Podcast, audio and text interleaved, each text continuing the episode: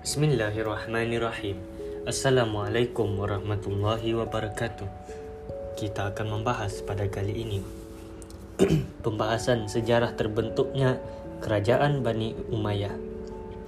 Kerajaan terbentuk sejarah kerajaan terbentuknya kerajaan Bani Umayyah disebabkan pertama ya Muawiyah akan berjanji bahawa dia akan menyerahkan kuasa uh, uh, pemilihan khalifah ter- kepada masyarakat. Lalu pada masa itu Muawiyah memerintah selama 20 tahun di kerajaan Bani Umayyah. Lalu pada masa itu sebelum Muawiyah meninggal dunia, dia telah mewasiatkan bahawa calon yang menjadi khalifah seterusnya adalah anaknya, iaitu Yazid bin Muawiyah. Pada masa itu uh, mungkin pada masa itu mungkin uh, masyarakat atau umat Islam pun kecewa tentang keputusan Muawiyah ini.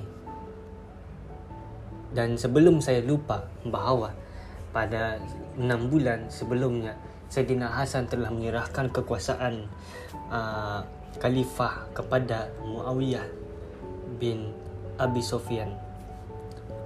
Dan perlu diketahui bahawa bila bila Muawiyah telah meninggal dunia. Bila Muawiyah telah meninggal dunia maka tampuk kekuasaan itu diserahkan kepada Sayyidina Husain itu janji Sayyidina Muawiyah.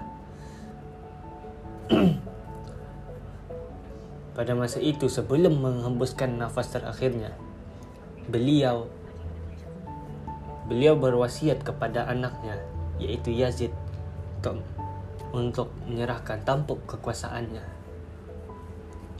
Hal ini telah menimbulkan kekecewaan kepada umat Islam maupun masyarakat yang memilih Sayyidina Husain sebagai khalifah.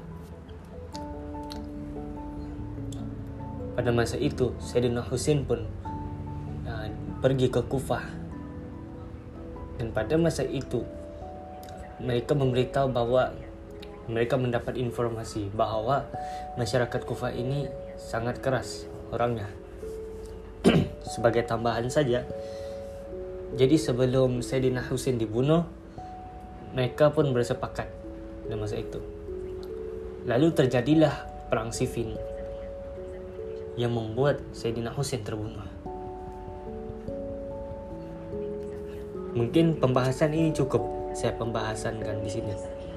Jadi insya Allah saya akan membahas sejarah yang lainnya.